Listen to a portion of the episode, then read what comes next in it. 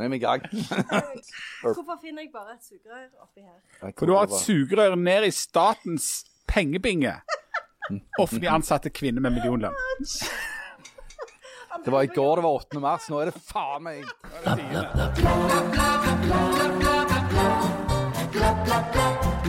Nå har vi levd ett år med korona. Hvem er det egentlig mest synd på? Meg, meg, meg! Akkurat. Vi skal også få høre Janne sitt informative og morsomme kortforedrag Yoko Ono i Kongehuset. Et informativt og morsomt eh, foredrag om meg og Harry.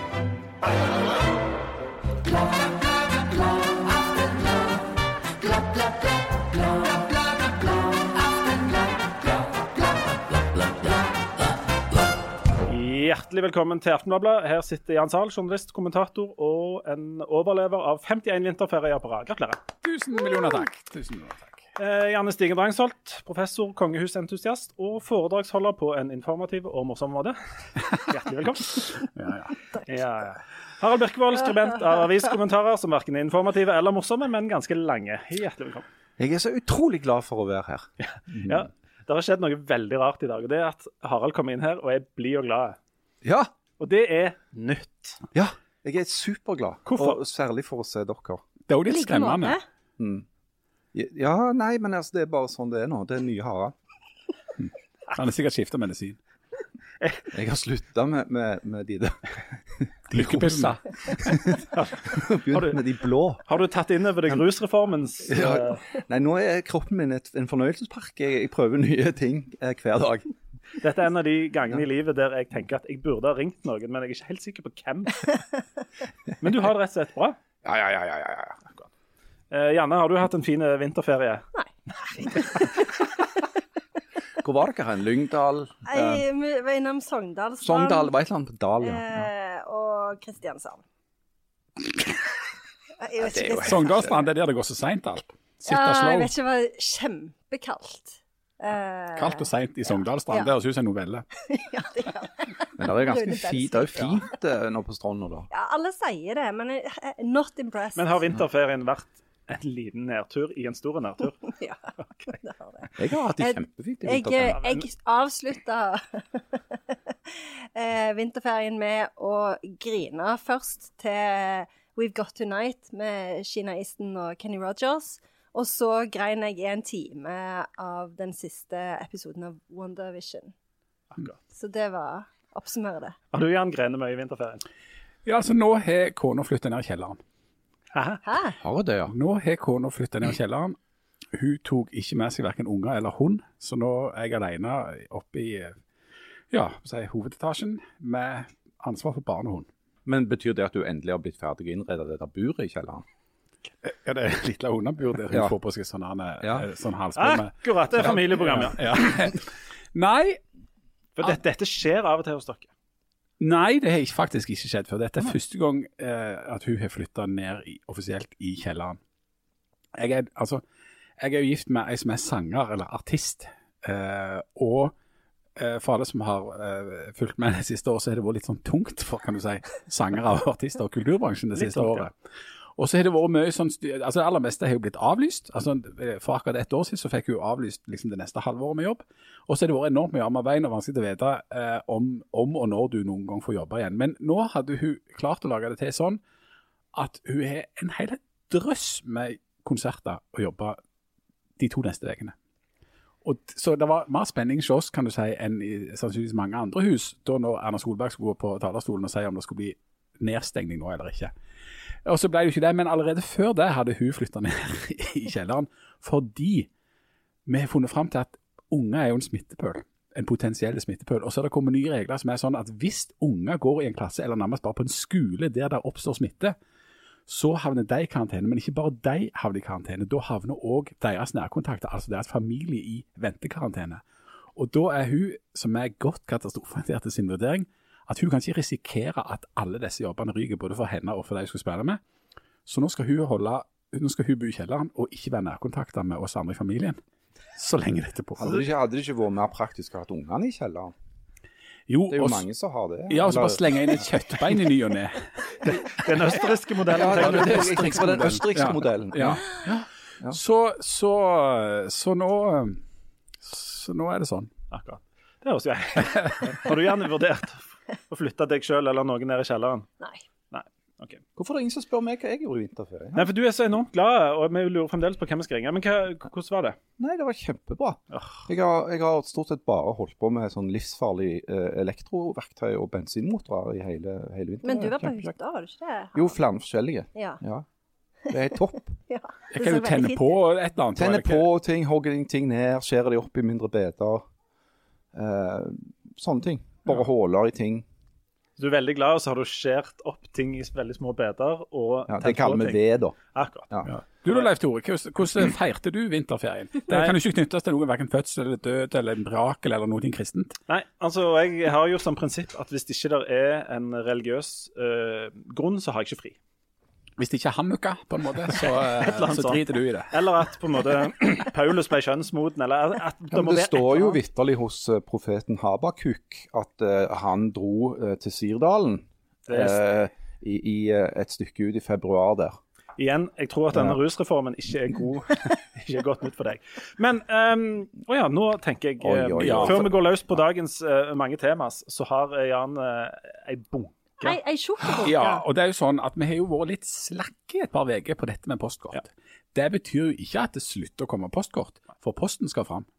Og jeg har jobbet mye i posten, så dette vet jeg. Um, vi har uh, fått a selection of postcards. Dette er jo helt fantastisk. Ja, det var veldig stas. Altså, la oss, la oss starte med, med dette som er altså et postkort der det er bilde av et fly ifra Czech Airlines. det er rett og slett et fly, ja. Ja, det er rett og slett et fly. Og det står bakpå det hva slags fly det er og masse sånt, men det er ikke, kanskje så interessant. Men teksten som er skrevet på, er at hei, podkasten. Jeg samler på flypostkort. Dette har jeg to av, så nå får dere det ene. Dere er fine å høre på. Når kommer Terje tilbake? Hilsen Nils Salte fra Sandnes. Men nå har vi altså da et, et, et, eh, fra samlingen til Nils et eh, bilde flypostkort. Jeg visste ikke at det fantes det heller. Det finnes eh, postkort ifra eh, ja, all slags ting, men òg da fly. Så er det et eh, der det er bilde av en Er det en sel, eller er det en sel? Det er en En sel, ja. Ja. Der er det et ganske enkelt eh, budskap. Hei, vurder å starte fanklubb. Dere er løgne. Helsing Siv Solfri. Fantastisk. Det er bare- det er bare å starte den fanklubben. Det er ingenting å vente på. Ja, så, så er det to som er ifra det samme, eh, der det er fine sitat på framsida. Eh, mer av ingenting, takk. Eh, hva om vi allerede har det vi leide etter? Altså, det er sånn anti-coach-greie. det, det er vi veldig for. Takk for en fin og tøysete og sjølironiske pod. Janne, du trenger ikke nye antrekk hver dag. Du kan bare skifte topp eller skjerf eller sko. Det kan du, Linde, òg prøve. Det syns jeg dere skal. syns jeg syns du skal vurdere å få en ny topp. Ja. skje. Ja, men dere er gull uansett. Og så er det et eget kort der som jeg, som jeg syns kanskje er til nå det beste kortet som noensinne er kommet. Dette er til Jan. Nei, om hvorfor du ikke hører noe, for jeg hører jo aldri noe. Det er fordi du er best. Vi forventer at du leverer. Når de middels middels folka leverer, så roper alle overraska hurra. Men når du leverer, nikker resten av oss stille, trygge. Ah. Dette har du skrevet sjøl. Dette har du en skrevet Nei, det er ikke min håndskrift. Det er en homasj. Ja. Min, Du har, min fått, du, har første fått, eh, homasj. du har fått en eller annen du kjenner til å skrive det der. Jeg kjenner ingen. Det er fint hvis Nei, det er sant. det, Men det er veldig kjekt med postkort. gode tips og Ja. fine ting. Ja. Og jeg Send de til Aftenbladet. Ja. ja. Nykirkebakken 2, 4001 Stavanger. Og vi oppfordrer òg folk som ikke er i slekt med Jan, til å sende inn, sånn at vi kan få litt uh, balanse i greiene. Ja, altså, og jeg, jeg, er, jeg er en veldig sånn raus type, så de andre òg kan godt få litt skryt. Det er jo ikke det. Ja, så en gang skal vi ha med kona di her, så skal vi Nei, hun er i kjelleren. Hun er i kjelleren, hun så kan vi ikke ha. Um, du, før vi går løs på, på en liten runde rundt omkring, um, tenkte jeg vi skulle uh, Siden du har lest enormt positive, skal vi Ja. ta en liten runde rundt bordet. Kan du si én konkret ting som gjør deg glad og oppstemt? Og vi har ikke lov å si rusmidler eller vin. Nei, da sliter Ja, ja, det måtte være å, å hogge ved, ganske Eller hogge ned trær. Drepe trær. Det, Det- det er kjekt. Det syns du er stas. Ja. Og, og dyr. OK, det ble litt mørkt allikevel. Men drepe natur og dyr, det er flott. Janne, kan, har du noe som eh, er lyst og fint? Janne jobber Eh, hardt nå. Jeg, jeg syns det er fint å jeg, kanskje jogge, hvis jeg må si noe. At det, at det gir deg en slags glede. Ja, men ikke glede, men det liksom lager litt sånn blir veldig sliten av det. Om det er sånn som med resten av det der treninggreiene, at det er kjempefint når du er ferdig med det. Nei, det er litt fint underveis òg. Er Fordi det? det blir, eh, blir så stille der inne i hodet. Det ble ikke så lyst jeg hadde tenkt Du vet, det er mye dop som hjelper hvis du har det sånn som Du Det det. er ikke lov å si rusmidler. ja. Jan, har du noe som eh, gjør deg oppstemt og glad? Ja, jeg har jo det som der det blir enda stillere enn eh, når Janne jogger, det er jo søvn. Ja. Den lille døden. Det kan jeg bli litt glad av hvis jeg får, får det til noen gang. Du da, Linde? Nei, det var litt surt, for jeg hadde jo tenkt å si soving. så dette ble ikke så oppløftende. Men kanskje noen kan si napp eller hviling? Ja. For det er jo ikke helt det samme som soving. Nei, helt sant. Jeg har jo eksperimentert litt med å Napping. napping med så, Et familieprogram. Med å, å hvile frokost. Det er jo en av Ja. fordelene med å ha hjemmekontor. Ja, det snakket vi om i en annen podkast. Vi gjorde det, og det, Ja. Altså, det der å ta seg en liten hvil etter du har liksom snakket med folk på noen sånn Teams og sånt om morgenen, det kan jeg anbefale. Det er fint når du får det til. Men en stund så holdt jeg på med det der med ettermiddagslur. Men det har jeg slutta med, for det, at det fungerte ikke for meg. Da får du ikke sove på kvelden. Nei, eller du blir helt sånn zombieaktig Mm. resten av, av eh, Hvis du sover mer enn typ fem minutter. Mm, det er sant. Eh, men det der med formiddagshvil, det er veldig bra. Rett etter, fro rett etter frokost. Det er det. Du, Jeg oppdaget akkurat et PS på det ene kortet, her, og der står det på framsida faktisk PS. Kan Harald lese høyt fra tilværelsens uutholdelige letthet? Det tror jeg vi skal klare å ordne. For Jeg, liker, jeg liker ikke kundere. Når vi snakker om all den lette, Men er det noe poeng i at du skal ha fram med den gleden, eller Nei, det positive? eh, nei, vi skal snakke om masse negative ting etter hvert, så jeg tenkte vi oh, ja. måtte ha oh, ja. noe positivt. få det unnagjort, liksom. Men det, det klarte vi ikke. Nei. Okay. Um, vi skal altså For de som vil ha sånn, sånn positivitetsgreie, de kan gå inn på Clubhouse. Ja, det er veldig mye positivt. Så kan de kjenne Ja, og sånn. Clubhouse, har jeg nesten glemt. Åh, Ok. Mickey La oss gå over på noe li eh, litt annet, da. Um, for et par dager siden ramla jeg over et forskningsprosjekt som viste at hvis du har det vondt, en, hvis du har vondt en annen plass, og banner og steiger og hyler, så får du mindre vondt. At den der reaksjonen At det forløser noe Er det endorfiner, er det ikke det det heter? Jo. Um, og særlig banning skal være, være veldig effektivt. Og siden jeg ikke misbruker Herrens navn i ti- tide og utid, så lurte jeg på om noen av dere kan bekrefte eller avkrefte at det er sånn. Det kan jeg absolutt bekrefte at det er sånn. Er det det? Ja ja, det hjelper. Jeg har eh, lest denne boka til Erling Kagge eh, om stillhet, og der sier han det motsatte. Han sier at når han går på den polen som han pleier å gå på, så hvis han slår seg, eller et eller annet sånt skjer, så sier han det ikke høyt, for at da blir det enda mer negativitet i omkretsen hans. Så det er veldig viktig at du ikke eh, banner. Det høres jo ut som noe sånn New Age-bullshit. Eh, ja, men ifølge Erling Kagge er det eh, Jeg- Hold det inni deg, Jeg syns at det generelt er best å få negativiteten ut. Ikke i dag, da, siden jeg er i så forbanna godt humør, men, eh, men sånn generelt så er det best å bare få det ut. Og hvis du er alene, altså hvem hva skade kan det gjøre eh, å banne litt? Det måtte være mot Gud eventuelt for de som forholder seg til, til vedkommende. Men det, Men ja, det er jo hvem, hvem vi da skal høre på. Skal vi høre på forskningsrapporten, eller skal vi høre på en som er såpass spesiell at han driver og går til Nordpolen alene på ski, f.eks., uh, i tid og utide? I don't know. Det må bli han siste, tenker jeg. Det var Men de, de som har forska på dette, hva er det de egentlig har gjort da? Har de, har de sånn festa Ja, elektroder til folk? det? Altså, ja, det- det var endorfiner de Ja, hadde. ja altså, du, du måler eh, nivået av forskjellige stoffer i, i, i kroppen og hjernen, eller Ja. hvordan det er. Og, og det, det som eh, sånn i grove trekk viser seg, er at hvis du har Altså, det, det virker smertelindrende, eller du øker smerteterskelen hvis Mm. du hyler og skriker. Og det er bl.a. blant annet en av grunnene til at eh, fotballspillere, f.eks. Hvis de hyler og skriker litt, det kan jo være mye at de skaper seg òg, men eh, det hjelper litt. Grann. Ja, ja. Så jeg um, har tenkt å begynne med det. Men jeg husker kristendomslæreren min på eh, ungdomsskolen. Han sa jo at når du banner, så påkaller du jo en hel haug med demoner, og da kommer de fygende umiddelbart og liksom Hjelper deg. Ja, ja hjelper deg. Og eh, det er jo litt stress. Men nå har vi fått i hvert fall kartlagt hvem som er Janne Stine Drangsvold, professor i et eller annet sine store ledestjerner. Det er altså da Erling Kagge, polfaren, og så kristendomslæreren på ungdomsskolen. Som òg mente at uh, fluortannkrem var Satan sin oppfinnelse. Hva mente? Hvorfor, hvorfor det? Ja, fordi at eh, den eh, fulle magen med gift. Det er litt sånn som hun Tara Westover i denne Ja, ja, Educated, ja, ja, hvor de ja. mener at hvis du tar Paracet, så fyller du magen med, eller fyller du kroppen med gift, så sakte, men sikkert så tar Satan over. Så det, det, det stemmer jo for så vidt det, da. Det gjør jo det. Ja, men uh, Jeg tror vi har jeg, jeg, jeg, Og fraglene.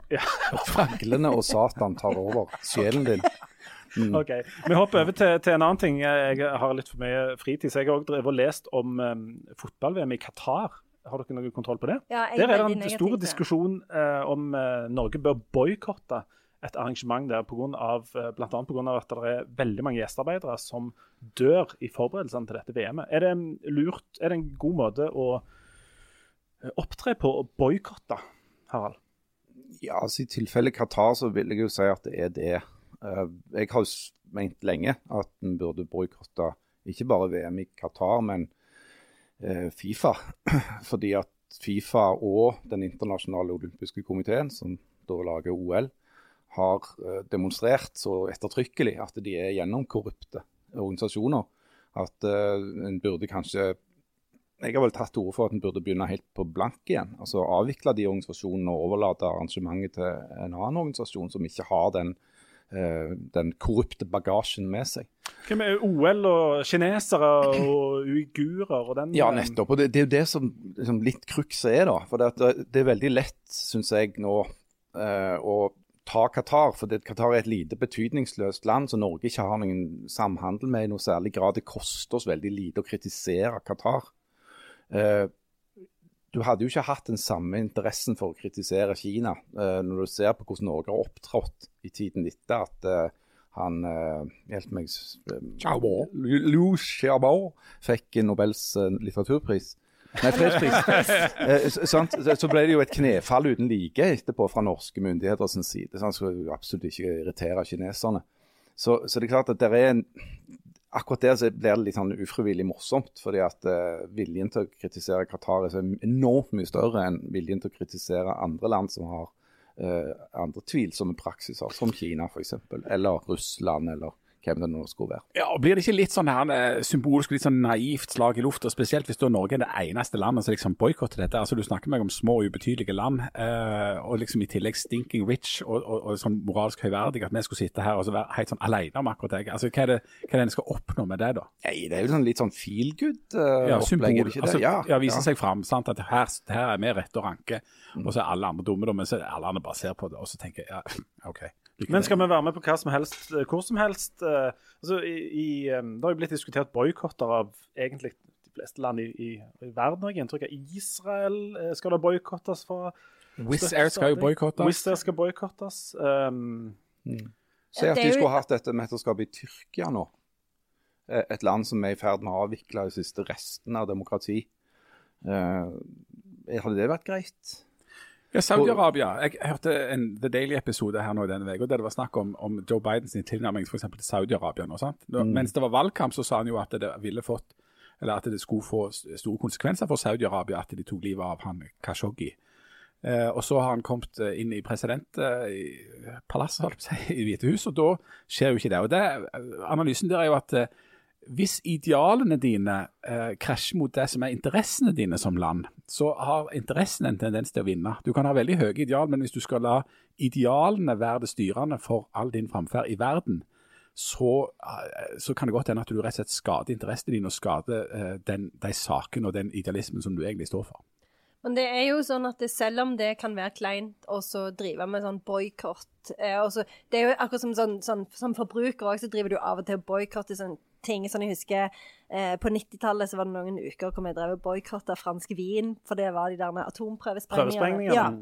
Eh, eh, eh, og, men samtidig så er det jo eh, faktisk enormt mange eh, gjestearbeidere som har dødd eh, under byggingen av disse stadionene i Qatar. Og det er jo eh, kleint òg, hvis en skal bare ignorere det og kjøpe klistremerker eh, og være kjempeglad fordi nå er det fotball-VM. Så du må jo liksom du må, må jo kunne sende noen signal òg. Altså boikott er jo en form for aksjon.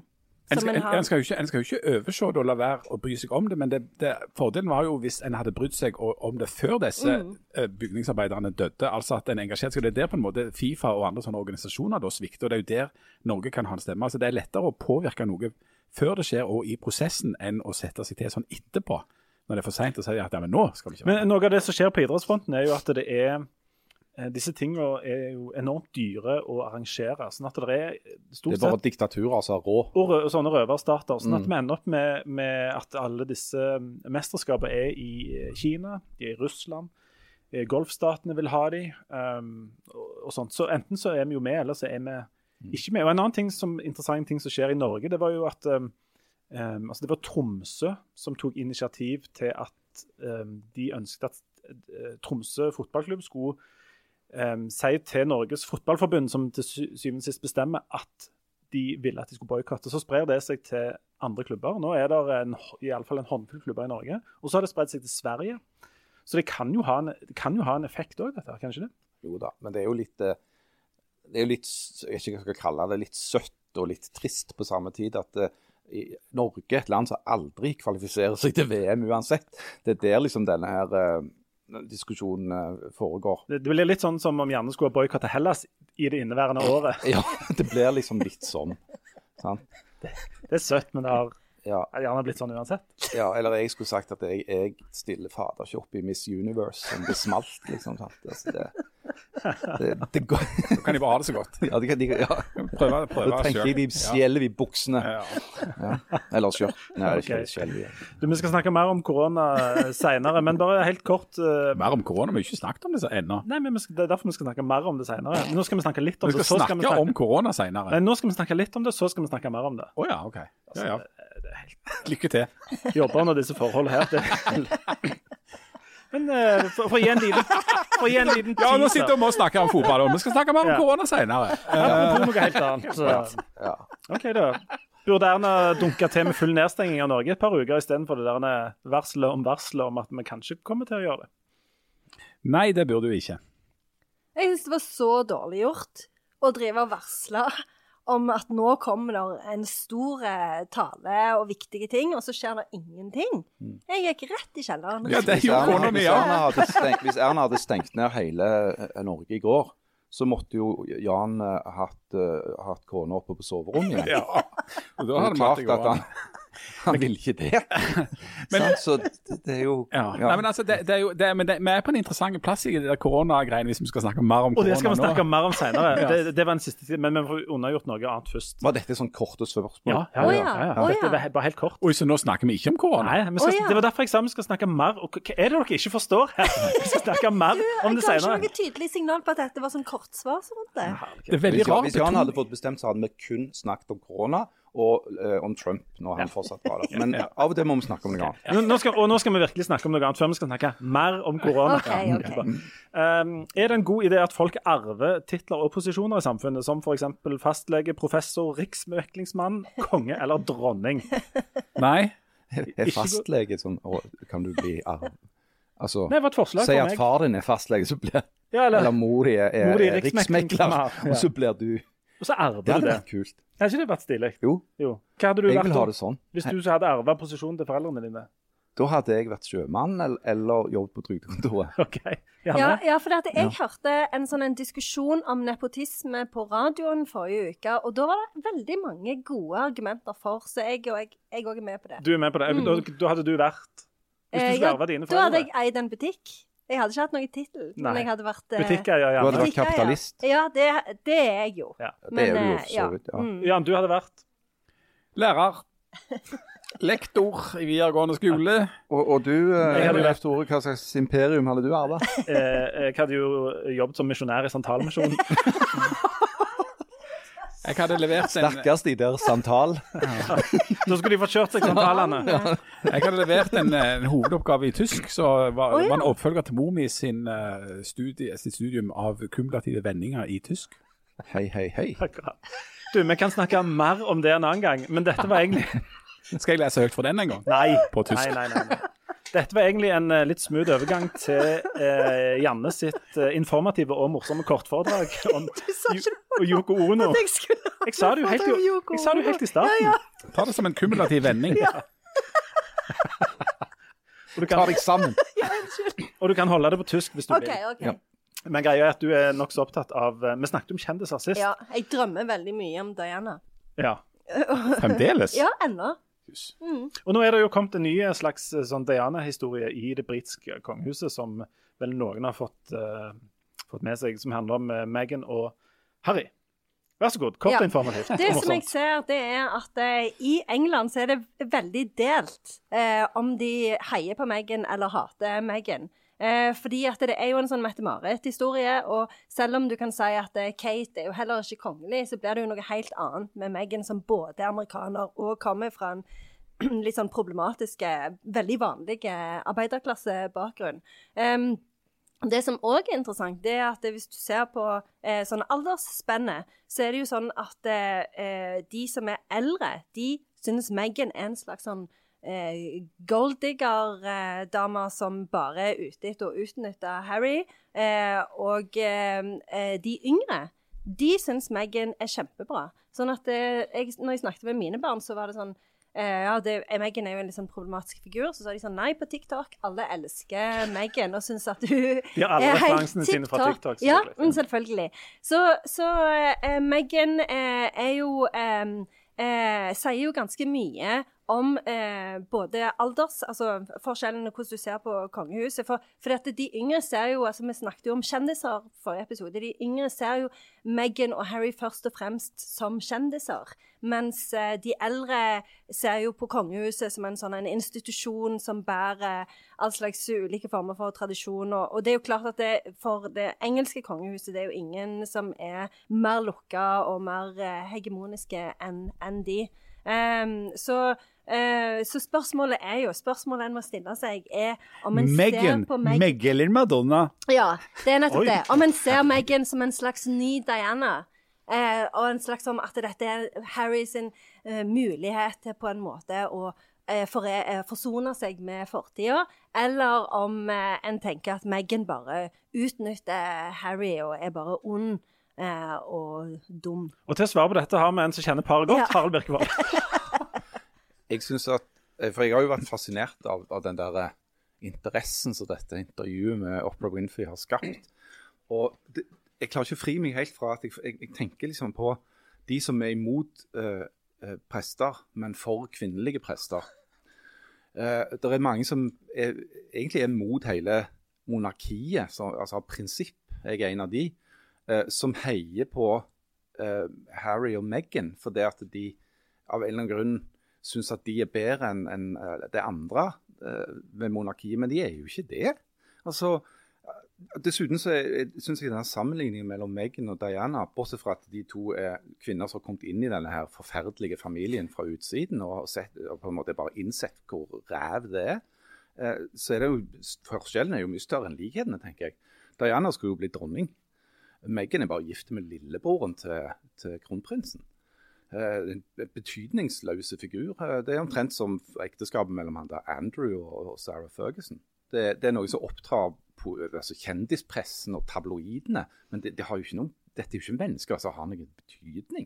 Nei, nei, de, har, de, har bare, de er bare kjent for å være kjent. Ja, ja, det er jo nettopp det. Men det er jo det som er så gøy. For det er jo nettopp sånn som vi snakket om i forrige episode, når vi snakket om kjendiskulturen. For det er jo bare det punktet eh, som forener Diana og Meghan. Det er jo dette her med at begge har blitt jakta på av tabloidene, og behandla ganske dårlig òg eh, av tabloidene.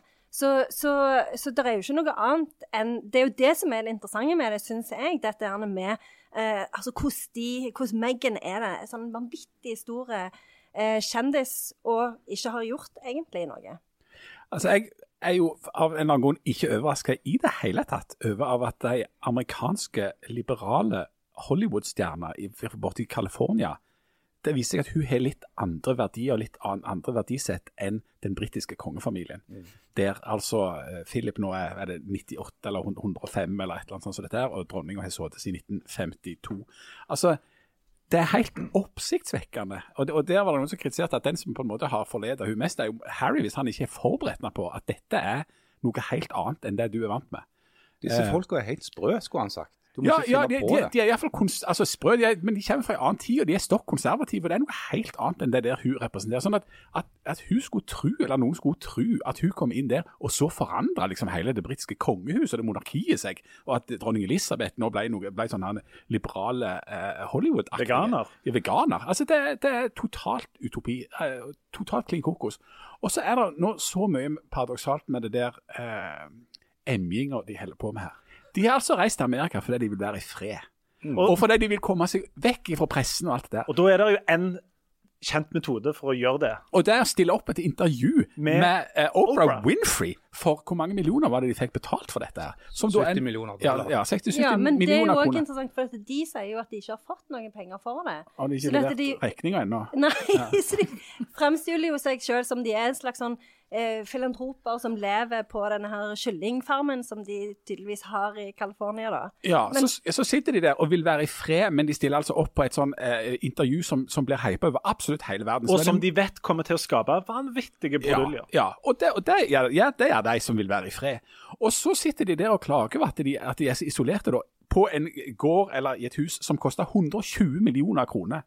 Og som de sitter da, altså at, at, at det skulle være noe sånn, synd om dem. Jeg klarer ikke jeg, er- jeg, er- jeg er ikke veldig empatisk. Jeg jeg, Du er ikke veldig empatisk. jeg er ikke veldig empatisk, det skal jeg si. Men her føler jeg absolutt ingen sympati eller empati, eller syns synd på deg. Det fins altså så uendelig mye mer som er større problem Jeg enn synes bare det, ja, det er bare, Hele greiene er bare kuriøst, og så er det litt trist uh, at det blir brukt så mye tid og spalteplass. og Vi sitter jo her og snakker om dette tøyset nå. Um, men en parallell, en historisk parallell var jo når altså, faren til dronning Elisabeth måtte ta over som konge fordi at hennes onkel abdiserte fordi at han ville gifte seg med ei dame som hadde vært gifte fra før, Wallis Simpson, og dro til Frankrike. Bosatte seg der. Han òg han, han liksom gjorde dette her eh, litt sånn som Harry nå, han dro eh, fra landet. Men han forlangte jo selvfølgelig enormt med penger for å kunne opprettholde sin helt ekstravagante livsstil der nede. Han hadde jo tross alt vært konge, så han mente jo at kongehuset skyldte han en haug med penger og krangla med dem om penger resten av livet. Eh, og Det samme kan jeg jo se for meg at kommer til å skje fra denne her eh, duoen borte i California. Ja. Altså Hvis ikke de får pengene direkte fra kongehuset, så må de jo få dem fra et annet sted. De er jo vant med De tror jo at de er noe. Ja, og så er de altså brutt med kongefamilien, men er da fornærma for at ungene ikke får kongelige titler. Altså, Ja, Men også har de jo- de det jo- største mysteriet her er hvorfor vi bryr oss om disse Jo, jo, jo, jo, men det er jo av samme grunn til at, eh, som at vi bryr oss om fotball eller skiskyting. jeg bryr meg ikke om fotball og ikke kongehuset. Nei, men- jeg gleder meg til vi kommer til noe jeg bryr meg om. Men med unntak av Jan, da, så er jo folk ganske opptatt av fotball, eh, kjendiser og skiskyting. I'm not. Nei, jeg sa jo det med unntak av Jan, sa jeg. Det betyr alle utenom deg. Så, så det er jo ikke noe rart at folk er opptatt av dette. Og det er jo ikke akkurat som det skjer så kjempemye nå. Det er jo mange som kritiserer dem eh, fordi at eh, de eh, sitter og syter eh, under en sånn en pandemi som har ramma verden ganske hardt. Eh, men, men samtidig så er det jo Det er jo en del av den der underholdningsindustrien. Absolutt. Og eh, nå tror jeg vi må hoppe over på pandemien, så vi får snakket om noe, Jeg noe skal bare så godt humør. Nå ble jeg skikkelig, Nei, skikkelig nei, dårlig humør ikke av å tenke det. på de der jækla bortskjemte håla. Nå kan du få utløst litt endorfiner, sånn at du får det bedre inni deg. Husk at dette er et familieprogram, men du skal få, du skal få fritt utløp nå i ti sekunder. En, Nei, altså, vi, vi vil, nei, jeg vil heller snakke om korona enn å snakke snakke om de der tullballene. da tar vi en eh, kort eh, liten pause, og så eh, kommer vi tilbake. Og da skal vi snakke mer om korona. Det betyr altså at vi har snakket litt om det, men så snakker vi mer om det etterpå. Er, er det greit? Jeg gleder meg altså, greit. som en unge. Da tar vi en liten pause straks tilbake.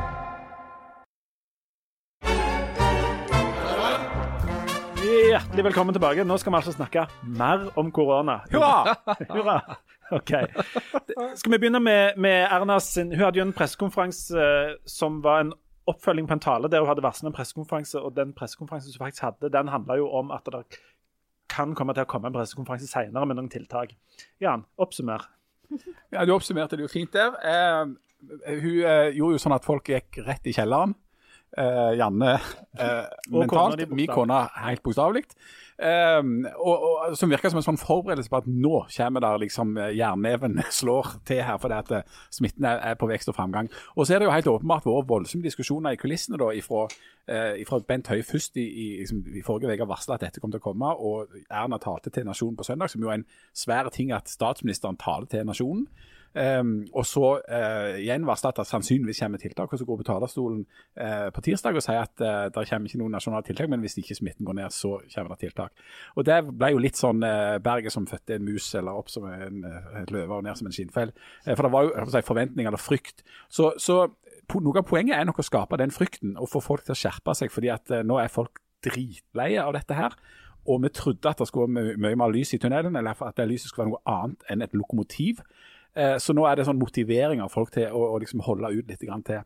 Men så forstår jeg jo at de ikke innførte nasjonale virkemidler. For vi er på en litt sånn interessant plass i denne pandemien nå. Det er jo sånn at akkurat eh, Per nå så er det visstnok stigende smittetrend i 60 kommuner. Men det betyr jo at det er ikke et stigende smittetrend i 300 kommuner. Sånn at i, i, og 70 av, av smittetilfellene er Oslo og Viken. Så i store store deler av Norge så er det eh, ganske god kontroll på smitten. Og da ville det blitt opplevd som et som problematisk, eh, både politisk og praktisk og økonomisk og alt i hop, hvis det kom nasjonale nedstengning av liksom hele Norge, helt uavhengig av om du hadde mye eller lite smitte.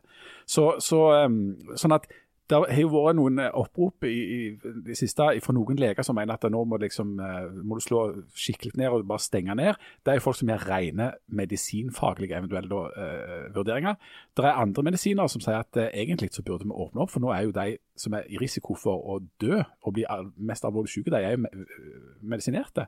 Og at uh, det der med at det er sykdom og at det sprer seg blant barn og unge, det er på en måte det er greit. Men altså, altså, det er høye smittetall nå, men det er veldig lave dødstall. Og det er et lågt antall folk eh, egentlig som ligger inne på sykehus, og iallfall på intensivplassene. Det var mye mer av det for, eh, for et år siden, selv om smittetallet offisielt sett var, var lavere da. Så det er en diskusjon om, om, om den eh, medisinfaglige strategien. Det er i langt større grad en diskusjon om politikken som ligger i dette.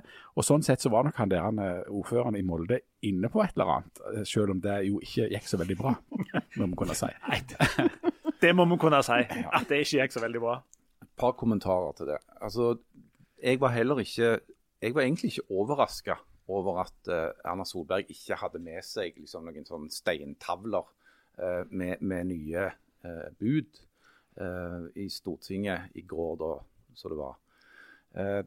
Så, og jeg tror òg at det som skjer nå, handler litt om at altså, folk er drittleie. Det, det er snart altså, Om to dager fra, fra i dag så er det liksom ettårsjubileum, om du kan kalle det det, for denne her nedstengningen av landet og disse tiltakene. Utålmodigheten er store. Til høsten er det stortingsvalg. Eh, dette kommer til å bli mer og mer politisert, det sier seg selv. For det, er sånn den politiske dynamikken er. Eh, og Da tror jeg også at det var smart, jeg, eh, sånn rent taktisk, politisk smart av regjeringen å spille litt ballen over til kommunene. For det at, Ikke glem at vi har en, en regjering ledet av Høyre, men alle de store norske byene, Oslo, Bergen, Stavanger og Trondheim, er ledet av, av eh, ordførere fra Arbeiderpartiet. Eh, og Senterpartiet, som er den andre hovedkomponenten i en alternativ regjering, de har 147 ordførere. Stort sett i små distriktskommuner uten smitte. Der arver de jo ordførertittelen. Hvis faren- har vært SP-ordfører, Ja, ja, så blir jo sønnen Det stemmer det. Mm. Eh, Sånn, og, og husk på at Senterpartiet de er jo programforplikta, ideologisk forplikta til å være for å flytte myndighet fra staten til kommunene.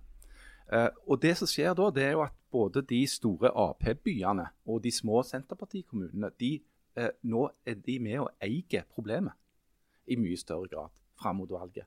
De kan ikke bare sitte og skyte på regjeringen Solberg, Høyre, eh, for det at de har jo vært med på å legge strategien. Sånn at det er politisk smart òg.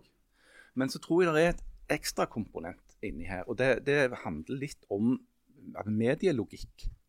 Altså De store toneangivende eh, redaksjonene, særlig VG, tror jeg nå, begynner å kjenne på en sånn kløe som handler om at nå har de vært, har de vært lojale mot eh, Fredningsperioden er? Fredningsperioden er i ferd med å gå ut på dato.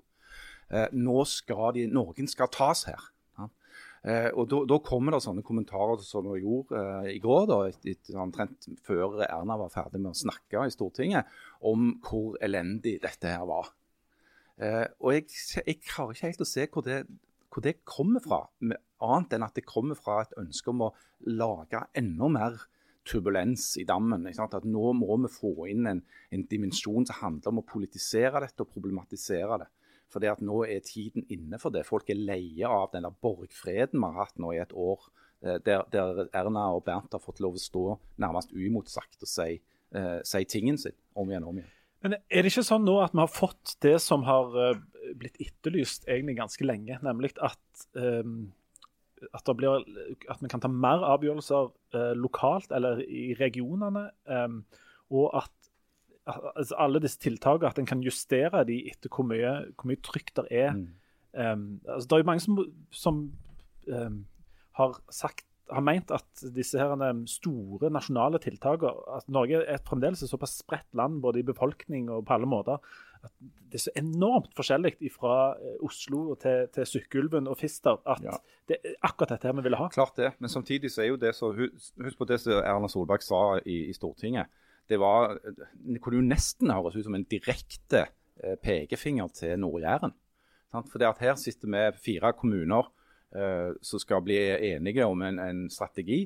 Og det laget der har jo allerede sprukket noen ganger når det gjelder f.eks. skjenkepolitikken og sånn.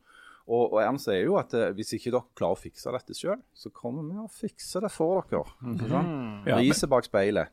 Men det hun sa var jo helt i tråd med det som var altså rådene ifra Folkehelseinstituttet og Helsedirektoratet. Sånn at det hadde vært enormt vanskelig politisk hvis hun hadde stengt ned hele Norge på tross av det som var rådene ifra fagmiljøer, faginstansene. sant? Eh, Sånn at det er jo en, at Dette er rådet ifra helsemyndighetene, at du skal oppføre deg ulikt avhengig av hva som er smittesituasjonen i ditt lokalområde. Det er jo logisk. Og så er det jo det at det er jo ikke bare medisinfaglig. Altså det, når, når Mats Gilbert og de skriver eh, kronikk, så tar de muligens da, altså de hensyn til, til en vri på den der medisinskfaglige. Men, men eh, denne pandemien handler jo ikke bare om det. Det handler òg om hvordan du skal klare å holde økonomien i gang, som eh, Høyre er opptatt av som et sånn næringslivsparti. sant? Hvordan, hvordan holder du næringsliv i gang? Eh, hvordan holder du folk i arbeid? Eh, Det kom i dag eh, tall på at vi har altså den høyeste arbeidsledigheten i Norge siden krigen. Mye høyere enn etter finanskrisen. Eh, sånn at det er, eh, og, og, og, det som jo de snakker så mye om, altså eh, konsekvensene for barn og unge med å stenge skoler og barnehager. Nå er det jo sånn at Hvis du skulle sett på hvor smitten faktisk var, så skal du ha strenge tiltak i Oslo og Viken, der altså 70% av smitten er. Og den plassen der smitten absolutt øker mest, er jo blant barn og unge. Eh, 16-19-åringer, der har altså smitten økt 600% Så da skulle du rent smittefaglig sett jo ha stengt alle skoler og videregående skoler.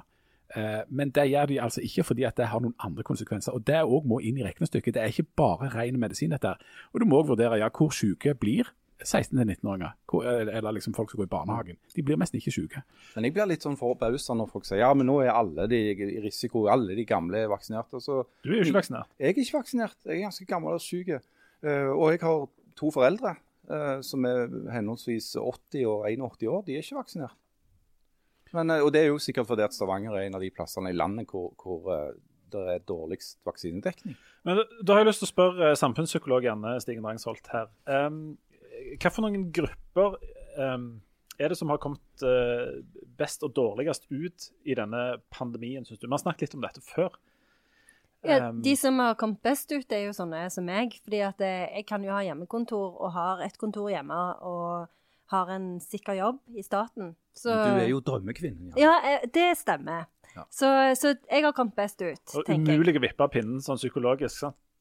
Jeg er solide. 100 steady. Bare Men, plain sailing. Veien men du, har, du har jobb, du har mulighet til å jobbe hjemme, Ja. og de største problemene dine er at du ikke får reise til Hellas. ikke sant? Ja, det er et av Ok, problemene Nå mine. har du fått skryte nok av din egen situasjon, men hva Syns du det er noen som har hatt litt vondt, da? Ja. er det det?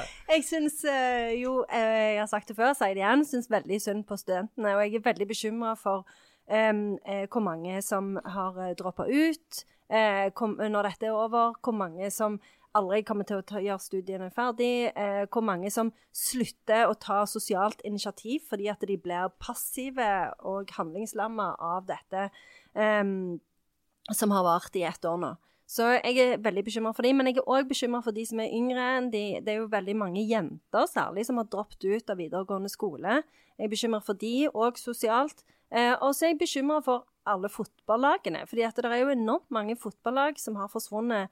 Eh, altså idrett, barneidrett, breddeidrett generelt. Veldig bekymra for det. fordi at det, det, skal ikke så mye til før folk slutter på breddeidrett, og det er jo så utrolig viktig. Så jeg er bekymra for alle de tingene der. Og så selvfølgelig de som er arbeidsledige. og Det er jo kjempemange konsekvenser som eh, vil vare vare i mange mange år framover. Så jeg er bekymra for alt Nå har vi det. ett års Jeg er mest, jeg er mest bekymra for de som blir skikkelig syke og dør. Nei, de er jeg ikke bekymra for. Det er ikke Janne så bekymra for. De ble jo forfremma til herligheten. De ble forfremma til herligheten. Det, Ja. i, altså, det, tøk, det, Ingen fragler, ingen fluortank. det til for å komme hjem er jo Nei, men det skal vi det, ja. Men altså, en ting til. For, for det, det var, jeg har lyst på å lage en sånn mini-survey her blant oss, uh, som da kan representere uh, Det jevne laget av det jevne lag. Ja. så det som, Et hovedbudskap fra eh, Erna Solberg, statsministeren vår, i Stortinget og etterpå på pressekonferansen i går, det var at hvis vi nå bare biter tennene sammen og går opp denne siste motbakken, som heter da mars og april 2021, så kommer mai. Og i mai så blir alt bedre. For meg, du skjønner milde. da har det kommet en hel helsikes haug med vaksiner. Eh, de har klart å slå ned den tredje bølgen, eh, og vi kan begynne å åpne opp igjen. Om det ikke skjer. Mm. Tenk om det skjer et eller annet jævelskap i mars og april nå. Eh, en enda mer muterte variant eller sørafrikansk eh, zombievirus som viser seg å ikke eh, respondere så godt på vaksine. Et eller annet. Så gjør at så kommer vi til meg og sier nei, eh, beklager folkens, men det blir et år til. Hvordan tror du folk kommer til å ta det, Janne? Nei, jeg kommer jo til å gå rett i kjelleren. Enda Det- lenger. Det Der treffer, du, der treffer du på kona mi. Hun er i kjelleren. Det ble jo ikke Hellas. Jeg hørte jo på radioen i dag, så sa de at 80% av befolkningen tror at det blir norgesferie. Og det er sånn salgsrekord på en sånn type varebil som du skal bygge om, sånn at du kan bo i bagasjerommet. altså Hvis det verste som kan skje, er at du må ha norgesferie, så er det faen ta meg ikke synd på folk, altså. Og det Jo, jo, hjelper å men- banne. Ja, det Jo, men, det. men poenget er at det kommer jo ikke til å bli noe Altså, er, det, er jo, er, er, det er jo greit nok med den der bakken, men det er jo ikke sånn at det, i mai så er det åpna og alt er fint. Det kommer jo ikke til å bli åpning før i desember Men eller januar neste år. I mai kan vi begynne å åpne opp Ja, det tar jeg ikke noe Altså, tro da på. har jo på en måte regjeringen, altså Erna Solberg og co. har jo da de har jo lagt ganske mye i potten og, og satsa på at det skal skje. Jeg, Og, jeg, jeg tror at hvis, hvis det vises, hvis det dukker opp noen sånn Moi-mutasjonen eller et eller annet forferdelig som, som tar livet av alt alle, og folk får den beskjeden der, da tror, vil jeg tro at uh, folk uh, tenker at nei, da, veldig mange vil tenke at nei, vet du hva, da får vi heller bare åpne opp, og så får, vi, får det stå til. Nå- jeg, er helt, jeg er helt sikker på at den tanken ville begynne å bre seg, for jeg tror den der eh, tålmodigheten til å sette livet sitt på vent eh, er Altså, noen kan, kan vente veldig lenge, noen kan det ikke. Jeg, jeg tenker for min egen del. jeg kan nok klare ganske lenge, men eh, jeg er ikke villig til å gjøre det for ungene mine. Nei. Men Også- det er vel også- det de har sagt i andre europeiske land òg, sånn som Danmark og England f.eks., så sier de jo nettopp det som du sier, at eh, vi må bare leve med smitten. Og vi må, vi, nå har vi eh, vaksinert eh, risikogruppene, og da må vi bare leve med det. Vi må åpne, for vi kan ikke holde det stengt lenger. Altså Faktum er jo at det, er jo, det døde jo færre i fjor enn det gjør i et vanlig år eh, i Norge. Det dør jo, altså det, til nå er det dødd 632, tror jeg det er det siste tallet i, i covid. Men det er jo dødd null i influensa, eh, der det vanligvis dør mellom 1000 og 2000 f.eks. Og så er det litt sånn pussig. Det kommer jo fram noen sånne svakheter ved det norske systemet som nok en må gå litt opp etterpå. F.eks. overrasker det meg at Altså for no, Noe av argumentasjonen nå er at vi må, vi må holde igjen, vi må holde ned den bølgen, for ellers så kommer helsevesenet til å bli overveldet. Altså Sykehusene kommer til å kollapse aldeles. Og så viser det seg altså at hvis det er at når det ble elleve innlagt på Ahus, som er altså et av Norges aller største sykehus, som altså da skal betjene 600 000 stykk, der er det liksom ti intensivplasser. Og hvis det kommer elleve, så, så er det liksom ikke plass til mer. Altså Det er helt oppsiktsvekkende få intensivsenger i Norge. Jeg tror tallet er 239. At det er fem per 100 000. Snittet i OECD er 12 per 100 000. Hvorfor i all verden har Norge så få intensivplasser? Og Stort sett er alle de intensivsengene opptatt i en vanlig situasjon. Men, men altså, hvordan, Ja, havner hvordan havner vi der? Du havner på intensiven, og så er du bare der til de har fått stabilisert deg, og så sender de deg videre til en annen avdeling. Sånn Men, det men det er, jo flere, er. det er jo flere ting. Altså, det er den ene. Og så har vi en del sånn selvbergingsproblematikk som er blitt eh, som har kommet opp på, Mm. på produksjon av alt fra medisinsk utstyr og medisiner til, til mat. Og den avhengigheten vi har av utenlandsk arbeidskraft. Ikke bare de som kommer til Norge og bosetter seg her, men de som reiser fram og tilbake. Det er jo masse sånne ting som har vist seg at eh, i det der svære, kompliserte samfunnspuslespillet, så er vi kanskje mer sårbare enn det vi trodde. Så nå skal det åpne en vaksinefabrikk i Stokke i Vestfold eh, om noen år. Sånn at målet er at Norge skal kunne produsere sin egen vaksine. Og, og på et eller annet tidspunkt så kanskje vi må produsere våre egne bussjåfører. Eh, Jeg vet ikke om det er en fabrikk for det. Jo, det er Altså, det skal jo gå i arv. Det er jo en, det er en arvelig tittel. Ja, eh, sånn at det, det løser seg sjøl, det problemet ditt. er det, det. for det at vi skal tilbake til laugsvesenet. Altså, hvis faren var bussjåfør, Faren var så, blir, så blir du bussjåfør osv. Og Så det Meghan og Harry har jo kjøpt eh, høner, så de produserer sine egne egg. Og det anbefaler de alle å gjøre. Alle, alle Ja. gjør ja. Det er bare å skaffe seg en kommer gård til å til bli mer- 150 millioner og sette i gang. Det er mitt, og det, det tipset kan vi jo ikke um, gjenta for ofte. at Hvis du er litt fattig, så anbefaler vi å arve penger, f.eks. Ja, det har vi anbefalt før, Ja, og det det kan vi er gjerne gjenta. enormt Hvis du sliter med økonomien, Ja. bare arv en masse penger. Eller gå ut av familien, bli intervjua av Opera, så krev de for Ja. 200 milliarder. i- Jeg forstår ikke hvorfor folk driver og maser sånn om at de har dårlig råd. De kan jo arve. Det er mye syting. Altså. Det er utrolig mye syting. For å avslutte uh, dette korona, som vi nå har snakket mer om Har vi fått klarlagt det? Ja, nå har vi snakket mer om det. så snakker vi mer, og nå avslutter vi det. Um, er det. Er det sånn at vi Klarer dere å se at dette nå har en ende, og, og tro på det skikkelig? Du Janne, du er litt skeptisk til å si at uh, til 17. mai er det i orden. Jeg hørte et intervju med Jan? Vincents Johannessen. Og han sa at når han hørte om korona, så fikk han en magefølelse på at dette kommer til å vare i to år. Så han sa ut 2021. Så det er det jeg setter min lit til nå. Magefølelsen til Jan Vincents Johannessen. Ja. Da er det altså magefølelsen til Jan Vincents Johannessen, det er Erling Kagge Polfaren, og så er det kristendomslæreren på ungdomsskolen. Der er du, der er du Det er en slags eh, treenighet. De tre vise menn Ja, i de tre vise menn. Stigen Drangsvold sine. Jan, klarer du å se, se at det, det snart er Ja, i mitt svartsyn så er jeg egentlig optimist. Jeg tror altså, Det må på et eller annet tidspunkt komme grassat nye vaksiner, og så må vi jo ha som utgangspunkt at de vaksinene fungerer. Og Da er det sånn at på et visst tidspunkt så, så oppstår det flokkimmunitet. Heldigvis så, så, så er jo altså tallet på folk på intensivplasser intensivplasser og, og, og dødsfall eh, gått ned. Sånn at vi er jo allerede på en, på en bedre plass nå enn vi var for ett år siden. Men eh, jeg skulle gjerne vært foruten den der siste motbakken, ja.